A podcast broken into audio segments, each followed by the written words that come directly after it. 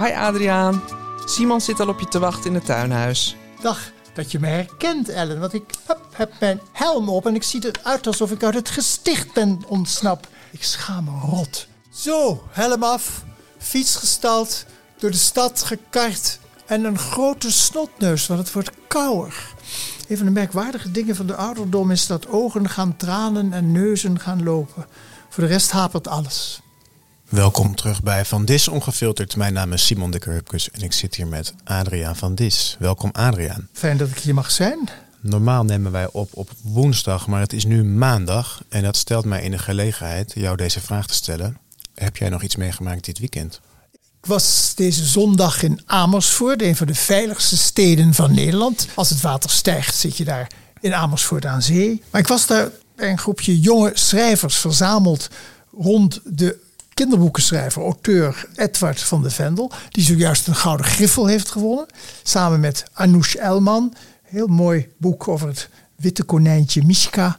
Een verhaal over ontworteling, vlucht en wat een klein konijntje doet en wat voor herinneringen het oproept aan de vlucht van Anoush. En daar was ik met allemaal jonge schrijvers. Want Edward van de Vendel heeft iets opgericht, een soort digitaal platform, broeinest voor aankomende auteurs. Dat heet Vuurland. Die komen daar gedachten uitwisselen, oefenen, schrijfoefeningen, leesopdrachten. En daar had ik een vrolijk gesprek mee, wat mij vol hoop stemt. Maar het is digitaal, maar jullie kwamen bij elkaar in een, in een ruimte. We kwamen fysiek bijeen. Ja. Maar de mensen leven op het digitale. Maar er waren ook al jonge mensen die al gedebuteerd waren als dichter bij Kerido of bij uh, uitgevers. Het is ook om elkaar te sterken. Wanhoop niet en blijf schrijven. En jij kwam daar als eregast? Soort... Nou, niet eregast. Nee. Het was uh, ja, als ervaringsdeskundige. Hoe hou je het vol en wat kun je allemaal doen? En ik heb ze vooral verteld dat je allemaal moet lezen. Om je te sterken als auteur. Ja, ja want elke schrijver is allereerst lezer ik denk dat je, als je wil gaan schrijven, eerst een heleboel dode Russen en dode Fransen moet lezen uit de 19e eeuw. Om het vak af te kijken. En dan uh, ga je daar, uh, doe je er iets mee en verander je alles. Goed.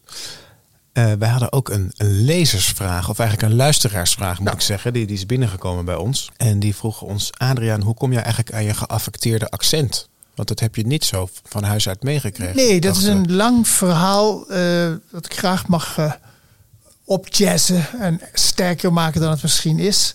Maar ik groeide op in Berg aan Zee, in een huis met mensen die allemaal uit de kolonie Nederlands-Indië kwamen. Daar was een speciaal accent, wat ik maar noem het accent met de klemtonende motor. Vooral mijn vader had een sterk Indisch accent. Hij zat op de Hollandse HBS in Surabaya, dezelfde school waar Sukarno zat.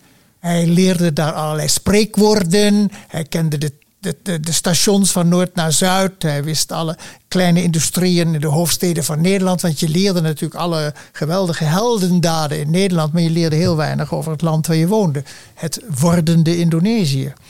Spreekwoorden die mijn vader graag mocht verhaspelen. Ja, noem er eens eentje. Uh, nou, wie een kuilgraaf voor een ander wordt moe. dat waren de grapjes van mijn vader. Er was er nog een tweede toon, dat was pecho. Dat is een Indo-dialect. Ja, dat was zogenaamd een dialect dat gesproken werd om te laten zien hoe belabberd de bediende Nederlands spraken.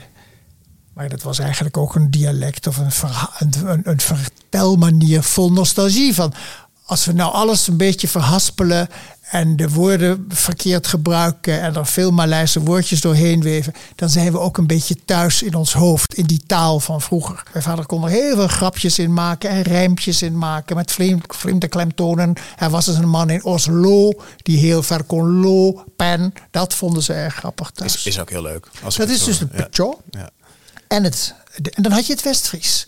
De kinderen om ons heen, de kaaskoppen, die zeiden skep, skoop, en verschrikkelijk. Ja. En de kid not psych, als je natte ja. voeten had. We hadden een hond, die heette Skippy, genoemd naar de kapitein Rob. Uh, en daar zeiden ze Schippy tegen, want dat heet dan hypercorrectie. Als wij Skippy zeiden, zeiden zij Schippy. Maar als wij scho schop zeiden, zeiden zij Skop. Dat waren dus de talen rondom mij. En als jongetje, ja, ik, ik heb een papegaaienoor, sprak ik dat allemaal keurig na. Ja. Dat is normaal. Normaal. Dat, dat zo doen elke kinderen het. Je, je, je, Mijn vader je ging dood. Ik was tien. Wij belanden in Hilversum in een nieuwbouwwijk. In een rijtjeshuis. Hoe oud was je toen? Tien? Toen was ik tien. Ja, maar dan heb je je accent eigenlijk al best dat ontwikkeld. komt nog. Nee, Ja. goed. Ik sprak, laten we zeggen, zo'n een mengeling van alles wat ik hoorde. Van een Indisch volgens mij besprak, sprak nog niet bekakt. Dat is in Hilversum in mijn huig geveild. En hoe? Eerst zat ik op een openbare school, heel groot, babyboomers, 50 kinderen. Ik verzoop op die school.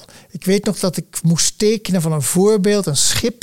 En ik tekende dat schip netjes na. Ik zette een vlag op dat schip, dat stond niet op het voorbeeld, kras er doorheen. Ik kwam uit Bergen en daar zat ik op, een, op de bosschool. En daar zat je met twaalf kinderen in de klas. Nu zat ik dus plotseling met vijftig, zo niet meer kinderen in de klas. Eén vinger een plas, twee vinger een druk. Om, die moest je dan opsteken dan. Toen heeft mijn moeder mij van die school gehaald dat ik dreigde te blijven zitten. Ben ik naar een heel deftig schooltje gegaan in Hilversum. De Gode Lindenschool. In een hele deftige buurt, de Mozartlaan. Allemaal kinderen die woonden in huizen met grindpaden. Huizen in de vorm van omgekeerde portemonnees. En daar spraken de kinderen zo keurig. Die zeiden schoolpluin. En die zeiden veurwiel. Daar wilde ik bij horen, bij de taal van de macht. En sindsdien praat ik zo raar. En kan je je dat nog herinneren? Was dat iets wat toch relatief onbewust ging? Of had jij wel in je hoofd echt nou, dat gaat onbewust. Dat, je past je aan bij, zoals alle kinderen, ja. geeft men allemaal de R achter in de keel hebben. En dat je, wat je nu hoort bij jonge mensen, dat er een licht vraagteken, een stem plotseling komt naar boven toe. Uh, ik deed dat. Uh, maar ik wilde natuurlijk heel graag bij die rijke kinderen horen. En ik geneerde me heel erg voor, die, voor dat rijtjeshuis, voor die, ja, voor die keurige armoe. Zeil hadden wij en geen parket. Uh, wij hadden geen Luxaflex, maar een uh, gordijn dat dicht moest als je televisie ging kijken. Ik wilde graag bij die mooie, rijke kinderen horen. En dat accent had ik. Toen ging, kwam ik in Amsterdam studeren. Toen heb ik het in belangrijke mate afgeleerd. Want als ik dan bijvoorbeeld na een paar glaasjes bier uh, naar een broodje van Kootje ging en ik zei: een kroket, dan werd, de hele, werd ik uitgekomen: kroket voor mij. Dus ik zeg tegenwoordig gewoon kroket. Maar nog eh, denken de mensen dat dat bekakte ook een vorm van arrogantie is. En dat weer spreek ik. Want iemand die met een zachte G praat is niet noodzakelijk katholiek. En iemand die zo mal spreekt als ik is niet noodzakelijk rechts. Ja. Nee, maar het is natuurlijk wel interessant, want ik heb hier in Amsterdam gestudeerd en je had heel vaak mensen die dan bijvoorbeeld van beneden de rivieren kwamen, die echt actief bezig gingen om hun accent af te leren. En dat heb jij dus ook gedaan tijdens je Mogelijk, studietijd. maar dat is bij mij dan toch, toch weer terug. onbewust terug. Ik kan me niet herinneren dat ik als kind van tien bezig was iets af te leren. Wel is het zo dat je bepaalde accenten slijten. Ja. Want dat Indische, dat zit wel in mijn hoofd, in de klankkast van mijn geheugen. Maar was het nou werkelijk zo? Want niemand spreekt maar zo. Tot ik 25 jaar nadat wij in Hilversum waren beland, mijn zusje opzocht, die geëmigreerd was naar Canada. En toen zei mij ze, zei ze, Atje, wat ben je enorm gegroeid, ja. Die had dat Indische accent nog heel sterk. Want haar accent was onder een kaasstolp beland. Niet aangetast door de Radio Nieuwsdienst. Joop van Zijl, Fred Emmer. En alle mensen die ons hebben opgevoed behoorlijk te spreken. Via radio en televisie. Zij had dat vastgehouden. En dus ik heb het nooit verzonnen. Het is daar, maar bij ons is het versleten. Maar als ik mijn vader oproep, dan kan ik niet anders dan hem zo ter sprake brengen. Dan komt ook automatisch het woord lel in plaats van een klap. Je kreeg een lel. Dat was een gebruik in Nederlands-Indië. Ja. Dankjewel Adriaan voor deze uitleg. Uh, ik hoop dat we de vraag zo goed hebben beantwoord. En anders uh, stellen ze maar een andere vraag. ja, en zou u dat nou willen? Wilt u een vraag stellen uh, aan Adriaan? Stuur dan een e-mailtje naar vandis, apenstaartje, atlascontact.nl. En als je toch je telefoon in je hand hebt, klik dan ook even op abonneren op deze podcast. Dan krijg je een melding in je app als er een nieuwe aflevering is. Adriaan, dat was even een huishoudelijke mededeling. Hoef je niet op, op te reageren. Nou, ik heb ook een huishoudelijke oh, mededeling. Vertel. Ik heb vorige keer iets beloofd. Ik heb toen een gedicht voorgelezen van een Israëlische dichter. De oorlog in Israël en Gaza, die houdt ons nog steeds bezig. In ieder geval mij. Zeker, nou, ik denk iedereen. En toen zei ik, maar ik wil ook een Palestijnse dichter voorlezen. Ik had het nog niet gezegd, of kort daarna verscheen Ramzi Nassar bij Op 1 en las een gedicht. Ramzi Nasser is een Palestijnse dichter. Ja. Zijn vader was Palestijn, zijn moeder Nederlands. Hij is acteur, maar hij was ook dichter des vaderlands. Een dichter des vaderlands die het vaderland van zijn vader uh, niet heeft, uh, daar niet woont. En die vader heeft daar ook eigenlijk geen toegang meer toe. Uh, En toen las hij een, een, een, een, een ja, prachtige tekst voor. Die gaat over het feit dat de, de, de, de eigenlijk alleen nog maar getallen zijn geworden. En, en, en statistieken zijn geworden. Nummers. Hè. Nu 4700 doden, 900.000 ontheemden, 2,2 miljoen inwoners. En hij zei, ja, maar het zijn ook mensen met namen, met geschiedenissen. En dat las hij een tekst voor die zeer aangrijpend was. En onder andere iets over dat, dat uh, Al-Ali Baptist Hospital in Gaza-stad. Een ziekenhuis dat gebombardeerd was. En waarvan hij zegt dat het onderdak bood aan duizenden radeloze vluchtelingen. En dan zegt hij, ik bekeek de beelden en zag een man rondlopend met een doorschijnend plastic tasje. Hij hield het voor zich uit boven de menigte, alsof het een kostbaar brood bevatte. Het tasje was rood gekleurd. Geen brood. In de tas zaten restjes vlees en botten van zijn kinderen. Nou, dat sloeg in als een bom. Toen dacht ik, maar ik heb een dichter die ik al eerder uh, had uitgenodigd in het programma Heimwee TV, waar ik schrijvers uitnodigde bij De Wereld Draait Door, Gayat Almadoun, die een bundel heeft uh, het licht doen zien samen met Anna Vechter, Ik hier, jij daar. En dat is een geweldige dichter. Gayat Almadoun is ook een vluchteling uit, uit een Palestijn. Zij, geboren in het vluchtelingenkamp Jormouk in Damascus. Zijn vader was Palestijns, zijn moeder een, een, een Syrische. En hij woont sinds 2008 in Stockholm. Ik lees iets voor, dat is een gruwelijk ja. prachtige tekst. En het is dus in de vertaling van Anne Vechter? Uh, nee, dat is een vertaling van Duke Poppinga. Ah. Anne Vechter schrijft Nederlandse gedichten. En die gedichten zijn met elkaar in ah, dialoog. Ze doen het om en om. Oké. Maar die sla ik nu even over. Dit is vertaling van Duke Poppinga. Wij die zijn rondgestrooid als granaatscherven, van wie het vlees door de lucht vliegt als regendruppels, aan iedereen in deze wereld bieden wij onze oprechte verontschuldigingen aan. Mannen, vrouwen en kinderen. Omdat we onopzettelijk hun veilige huizen zijn verschenen, zonder toestemming te vragen. Wij bieden onze excuses aan, omdat we onze afgerukte lichaamsdelen in hun sneeuwwitte geheugen hebben geprent. Omdat we het beeld van de normale, complete mens in hun ogen hebben geschonden. Omdat we zo schaamteloos waren om plotseling op te duiken in het journaal op de internetpagina's en in de kranten, naakt, met alleen ons bloed en onze verkoolde resten. Aan alle ogen die niet rechtstreeks naar onze wonden durven te kijken, bieden wij onze excuses aan, uit angst dat ze kippenvel zullen krijgen. We zijn excuses verschuldigd aan iedereen die zijn avondmaal niet meer door zijn keel kon krijgen, nadat hij onverwacht was geconfronteerd met onze verse beelden op de televisie. We zijn excuses verschuldigd voor het leed dat we hebben toegebracht aan iedereen die ons in deze toestand heeft gezien, zonder opsmuk en zonder dat er een poging was gedaan om onze resten bijeen te vegen en weer aan elkaar te naaien voordat we op hun schermen verschenen. We zijn ook excuses verschuldigd aan de Israëlische soldaten, die de moeite hebben genomen in hun vliegtuigen en tanks op knoppen te drukken, met de bedoeling ons op te blazen. We bieden onze excuses aan voor ons weerzinwekkende uiterlijk, nadat ze hun granaten rechtstreeks op onze kwetsbare hoofd hebben afgevuurd. En vooral die uren die ze nu in psychiatrische klinieken moeten doorbrengen om weer mens te worden. Zoals ze dat waren voor onze transformatie tot afstotelijke lichaamsdelen die aan achtervolgen wanneer ze proberen te slapen. Ja, dat vermag poëzie. Ja, ja wat, wat doet het met je? Heel veel, heel veel. Maar ik vind dat die poëzie maar moet praten, dat ik mijn mond maar moet houden. Je wil het niet uh, kapot analyseren, begrijp ik? wil het niet, nee, maar eh, kennelijk zijn, ook in de journalistiek zie je dat dat verlangen naar poëtikale zeggingskracht groot is. Want de Washington Post opende in de eerste week van de oorlog ook met een gedicht. En dat gedicht luidt What a Gazan should do during an Israeli airstrike. Ik lees het voor in het Engels, want ik hoor nu net dat overal Engels wordt gesproken, ook in de alledaagse winkels. Dus kennelijk leven we een deel van onze taal in. En er wordt Engels ook een taal van, van, van uh, ja, conversatie en bestelling. Dus waarom niet van de poëzie? Ja, even nog voor, voor mij. Is dit, hebben ze dit is dit zeg maar gedicht geschreven ter gelegenheid van de huidige situatie? Of hebben ze het... Dat hoop je maar. Het, is, het is uit mei 2023. Ja. Dus de man had al een idee, maar natuurlijk, het is, er valt altijd wel een bom in Gaza. Ja helaas wel. En het is de, van Moshe Abu Toha. Turn off the lights in every room. Sit in the inner hallway of the house, away from the windows. Stay away from the stove.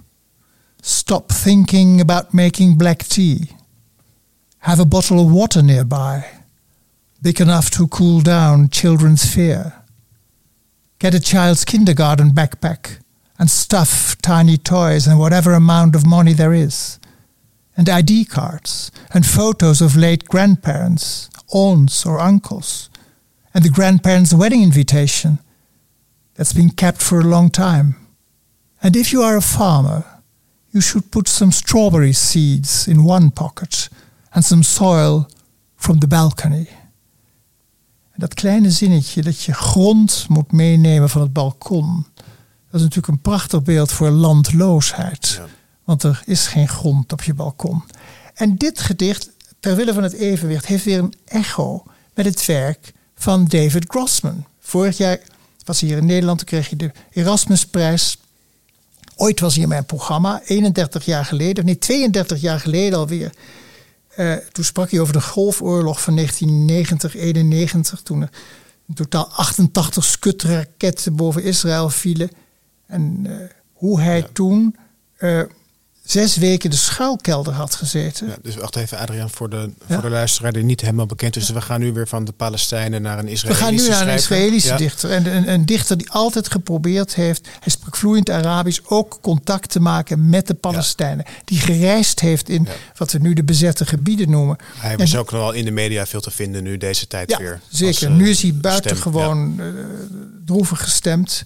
Het is hij altijd al geweest, maar toch, hij vertelde toen dat is me altijd bijgebleven. Dat is ook de echo die ik vind in dat gedicht van ga in de hal zitten en blijf weg van het raam, blijf weg van de kachel.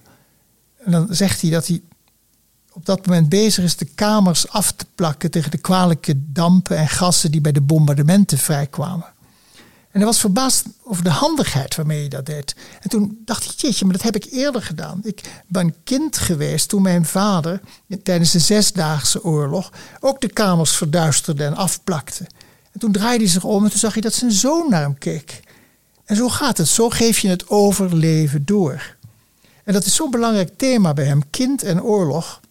Misschien dat ik me daarom ook zo verwant met hem voel. Ja, ik kan niet in zijn schaduw staan, maar hij schrijft ook de hele tijd hoe oorlog wordt doorgegeven aan een kind.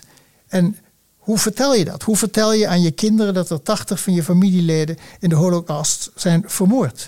Dat is een wond die niet heelt. Die wond brengt je, zegt hij dan ook, dicht bij je kind. En al zijn werk gaat er voortdurend maar over de individu tegenover de intimiderende macht. We weten allemaal dat Grossman een zoon heeft verloren. Zijn zoon Uri, die als dienstplichtig soldaat in 2006 als tankcommandant sneuvelde.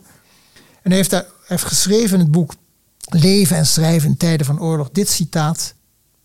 Ik zal het eenvoudig zeggen, Israël zal geen thuis worden zolang de Palestijnen geen eigen thuis hebben. De Palestijnen zullen geen thuis krijgen zolang Israël geen thuis wordt voor de Joden die er wonen. Palestijnen en Israëli's zullen geen vrede bereiken als ze niet in staat zijn het conflict ook te bezien vanuit het gezichtpunt van hun vijand, vanuit diens wonden en diens gelijk. Dat is de situatie waarin we zitten. Iedereen heeft zijn gelijk. Dankjewel, Adriaan. Maar wat inspireert mij? Door dit te lezen dacht ik, er zijn zoveel tegenstemmen die wij maar niet horen. Plotseling hebben we het over voortschrijdend inzicht. Zijn we gaan luisteren naar de stem van de gekoloniseerden. Maar die stemmen waren er natuurlijk altijd al. Wat we nodig hebben zijn betere oren. We moeten plotseling gaan luisteren naar een geluid dat er altijd al was. Ja, maar dat doe je hier toch eigenlijk ook? Dat doe dit, ik ook. Dit, maar nu is het weer opnieuw relevant en kan je het boek van Grossman uit de kast pakken Ja. en, en Ik loop wat voor mijn boekenkast. En toen dacht ik, ik heb nog een, iets wat ik heel graag met jullie wil delen. Dat is een andere tegenstem. We hebben die grote Indonesië tentoonstelling in de Nieuwe Kerk in Amsterdam. Ja. Het is een belangwekkende tentoonstelling. Ik moet er nog heen. Ik zal er graag verslag van doen. Maar voor ik erheen ga, dacht ik, ik wil toch wijzen op een heel belangrijk boek. Er wordt vaak gevraagd hoeveel Indonesiërs schreven nou in het Nederlands. En Rudy Kousbroek, de grote man die zoveel over Nederlands-Indië heeft geschreven, in zijn Ja. Oost-Indisch kampsyndroom, een turf van een boek, waarin hij al heel veel vertelt over het weinige goede dat het de koloniale tijd gebracht heeft. Die zegt wat wonderlijk dat er zo weinig mensen zijn geschreven. Hij had toen niet gehoord van Busuki Gunawan, Die in 1953 uitkwam met een boek dat Winarta heette. En het was verschenen als feuilleton in het tijdschrift De Nieuwe Stem. En is dus in het Nederlands geschreven? In het Nederlands geschreven. Het boek wordt ook niet vermeld in die prachtige postkoloniale spiegel. Een turfdik boek waar 26 mensen aan meegewerkt hebben. Ook zij hebben niet gezien dat dit boek bestond. En dit boek dat is een vreed vervolg op Oeroeg. Oeroeg van Hella Haase, waarin zij vertelt dat er een jongen aangeraakt is door de vonk van het nationalisme en ze voelt die verwijdering. Maar dit is een man die vertelt hoe hij als strijder zich keerde tegen de oude bezetters. En hoe de vreedheid in hem landde nadat hij geconfronteerd was met de dood van zijn ouders. En is dus in het Nederlands geschreven? Het is, het is werkelijk bloedstollend proza van een toon die we helemaal niet kennen. En je gaat een stukje voorlezen. Ik ga een paar kleine stukjes om de gruwelijke toon over te dragen. Hij komt dan in de buurt van zijn huis en daar zegt een pachter: Ja, er kwam een truck aanrijden met 15 soldaten. En zij vroegen toen naar uw vader. En hij kwam naar voren en toen schoot men hem in de buik. En uw moeder, die te hulp wilde snellen, werd ook neergeschoten. Daarna werden ze mishandeld. Uw huis werd toen in brand gestoken. We konden het niet blussen. De lichamen van uw ouders konden wij gedeeltelijk uit het brandende gebouw redden. We hebben toen besloten uw ouders in één graf te begraven. En die ouders worden dan opgegraven.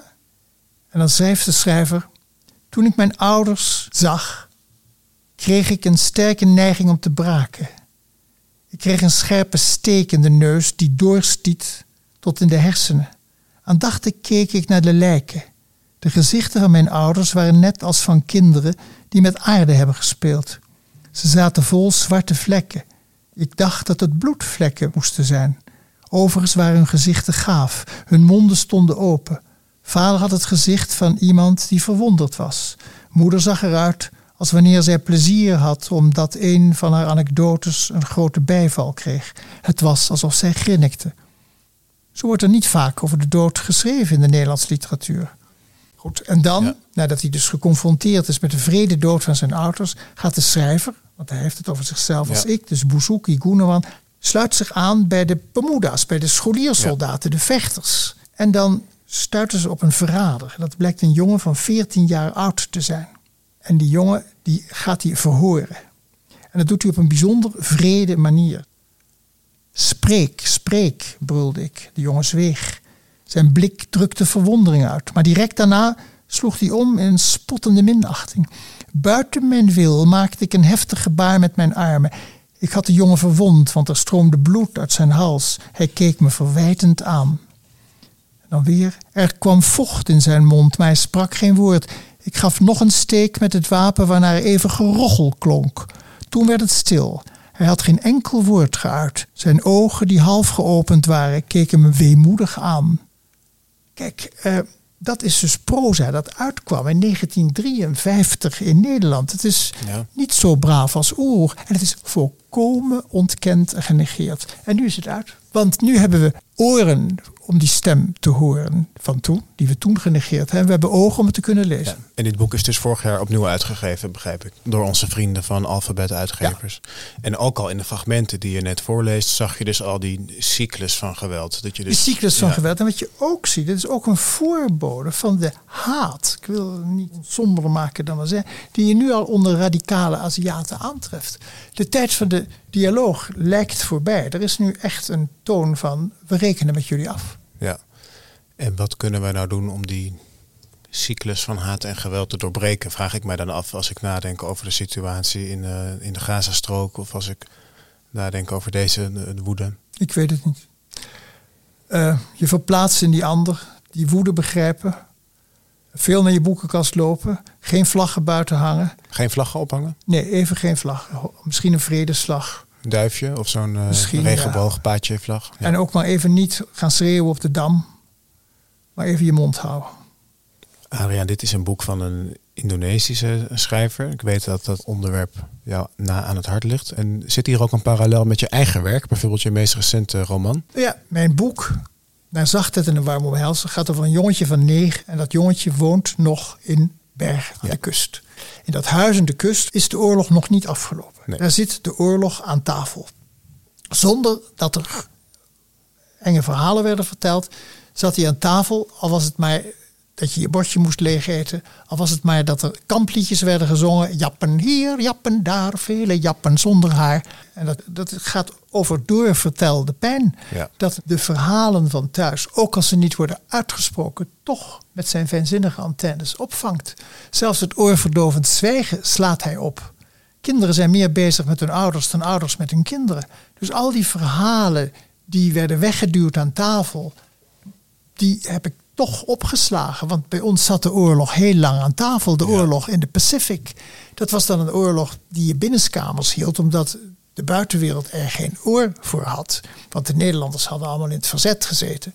En hadden tulpenbollen gegeten. En wij die uit de tropen kwamen, Ja. konden uit elke boom wel een vrucht of banaan plukken. Ja, jullie hadden het lekker warm. We, en we hadden het een lekker warm. Dat was het angstige bergen aan zee, waar mijn vader last had van de oorlog. Een vader die eten tegen de muur gooide. Een vader die zich opsloot in het donker en dan liepen wij op koude voeten door het huis. Wij gebruikten geen grote woorden. Oorlogstrauma, daar werd niet over gesproken. Mijn vader was zenuwachtig omdat hij geen werk had. Dat was de narigheid. Want we hadden eufemisme. Al die grote woorden, al die, die emancipatie van de emoties zoals we die nu beleven, waarin iedereen getraumatiseerd is en iedereen depressief is. Die grote woorden gebruikten wij toen niet in de jaren Even, 50. even een vraagje tussendoor. Was jij er denk je als kind mee geholpen geweest als je die woorden wel had en, en ook ik had geloof gebruikt? niet dat het aan woorden ligt, maar het is ook de tijd. Ja. Nu hebben we kennelijk een tijd waarin we denken dat slachtofferschap iets is waar we respect voor hebben in deze gefragmenteerde samenleving. En daarom dienen ook zoveel mensen zich aan als slachtoffer. Ja. Toen was dat idee dat je slachtoffer was niet een algemeen besef. Nee, er was ook veel ook geen eer aan te behalen. Je moest geen- jullie versterk houden. Ja. Het waren het de grote woorden, we hadden er geen namen voor. Ja. toch heb ik die verhalen opgeslagen. En dan was er nog iets. Dat was die angst. We moeten misschien weer weg. We moeten misschien weer vluchten. Daar was ik vol van als kind. Ik wist dat er iets gebeurd was. Ik wist waarom er twee vluchtkoffers boven op de kast in de slaapkamer van mijn ouders stonden. Want de, het gevaar dat ze misschien weer moesten vluchten leefde heel sterk bij ons aan tafel. Het was ook de tijd van de Koude Oorlog de Russen die zouden komen. Ja. De berichten die je op de radio hoorde. Het Warschau-pact. De, de, dat je moest gaan monsteren om er mogelijkerwijs een atoombom zou kunnen vallen. Die angst, dat is de angst uit mijn kinderjaren. Daar gaat naar zachtheid en een warm omhelzen over. Maar ik werd wel, om te ontvluchten aan de nervositeit van mijn vader... veel geparkeerd in de zomers. Maar in dit geval in een hele lange zomer bij mijn grootouders grootvader en een grootmoeder, die ik Ommie noemde, maar dat bleek de huishoudster van mijn grootvader te zijn. Dat was ook iets pas wat ik later begreep. Ja. Maar dat Breda, ik noem het weliswaar in de roman naar zachtheid en een warm omhelzen, een stad die geen naam mag hebben omdat ik veel veranderd heb. Dat Breda kwam ook geschonden uit de oorlog. Er waren nog huizen kapotgeschoten. Als jongetje klauterde ik daar op de puinhopen en zocht ik naar geweerhulzen waar je zo lekker op kon fluiten. En die stad is bevrijd door de Polen. Er kwamen Poolse mannen bij ons in huis. Een rare, malle kolonel met- die mijn grootvader altijd schaakte. Dus ik zat weer midden in de oorlog. Weer in de doorvertelde pijn. En dat is iets wat ik echt wil benadrukken. Weet dat elke oorlog die er is, generaties lang doorgaat. Dat heelt niet snel, zoals David Grossman zegt. Nee, dat gaat van generatie op generatie. En dat beleven we nu met Black Lives Matter, waarin mensen bewust raken van wat is er eigenlijk met onze voorouders gebeurd. En die over slavernij gaan praten. Dat is ook doorvertelde pijn. Dan kan je wel roepen dat is al heel lang geleden. Dat is helemaal niet lang geleden. Bij families die in een achterstand zijn geraakt, waarvan de cultuur met, met, met vreedheid eh, is afgesneden. En dat is iets wat mij als schrijver inspireert. En eh, dat is allemaal ontstaan door het heden. Want ik verblijf veel in, in, in de provincie Noord-Holland in een klein dorpje. En daar wonen eh, asielzoekers, onder andere veel eh, Oekraïners. En ik heb daar met jonge jongens gesproken van een jaar of 10, 11, die al heel snel Nederlands leren. En die dat spannend vinden en die vol opwinding een nieuw land uh, proberen te verkennen, die hun ouders trots meenemen naar de lokale supermarkt. Maar je ziet ook al een angst in hun ogen, want als ze groot worden, moeten ze misschien ook gaan vechten. In die jongetjes zag ik mijzelf. Ik was als de dood dat ik ook soldaat moest gaan worden en net zo gek zou worden als mijn vader. Dat ik ook soldaat moest worden zoals mijn moeders eerste man die onthoofd werd door de Japanners. Ja. Dus die oorlogsangsten zaten in mij en die zie ik nu bij die kleine kinderen. Dus die kinderen, die Oekraïense jongetjes, die katapulteerden mij naar dat angstige jongetje dat ik was toen ik negen was. En daar is naar zachtheid en een warm omhelzen uit ontstaan. Dan heb ik nog wel één vraag. Als je dan met zo'n jongen praat, zo'n Oekraïens jongetje van negen, dan praat je dus eigenlijk een klein beetje tegen jezelf. Wat zou je dan willen zeggen? Ik zeg niet zoveel. Ik complimenteer zo'n jongetje dat hij al zo goed Nederlands spreekt. Maar dan denk ik aan mijn zusjes die in een Japans interneringskamp zaten en al heel spoedig konden tellen in het Japans. En die uh, weliswaar gebogen voor de Japanners, maar ze eigenlijk al in zekere zin wisten te imponeren en mogelijk te verleiden, in de meest kuise zin van het woord, door Japans te praten. Deze jongetjes hebben ook een lenigheid. Uh, dat ze al heel snel Nederlands leren. En dan worden ze in zekere zin een beetje de baas van hun ouders. Want die ouders hebben die lenigheid nog niet of leren die moeilijk die taal lastiger. En dat zie je dus in die winkel. Dan zie je zo'n jongetje en ook meisjes van 10, 11, 9. En die leiden hun ouders door die winkels heen. Je ziet het trouwens ook in de ziekenhuizen vandaag de dag. Daar zie je jonge kinderen, tweede, derde generatie van gastarbeiders, die de ouders, die de taal niet machtig zijn geworden, omdat ze meteen maar in de fabriek zijn gaan werken of de vrouwen zich opsloten en niet deelnamen aan de samenleving, die dan de gids van die ouders worden. Klassiek thema in de. Ja, klassiek thema. Maar ja, dat is iets dat mij. Dan zie ik elke keer mezelf. Jonge kinderen die als sponsen alles opzuigen.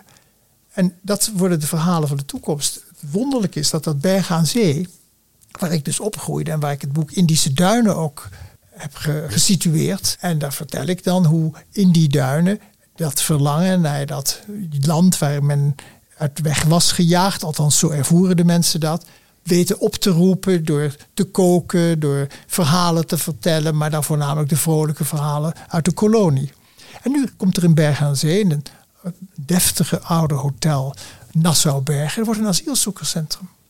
En daar komen dus mensen uit Syrië, uit Oekraïne, uit Noord-Afrika, uit de Sahel, klimaatvluchtelingen te worden. Dus ik kan niet wachten tot over 20, 30 jaar het boek Syrische duinen zal verschijnen. Afrikaanse duinen. Oekraïnse duinen. Oekraïns helm. Maar dan niet om je hoofd, maar dat gras dat zo mooi waait en cirkels en letters in het zand schrijft. Het wuivende helmgas. Adriaan, dit lijkt me een prachtige afsluiting. Ik dank je weer voor je komst en wij spreken elkaar opnieuw over twee weken. Dank, Simon. Bedankt voor het luisteren. De titels van de besproken boeken kun je terugvinden in de show notes. De boeken kun je vervolgens bestellen via boekenwereld.com schuine streep van streepje dis.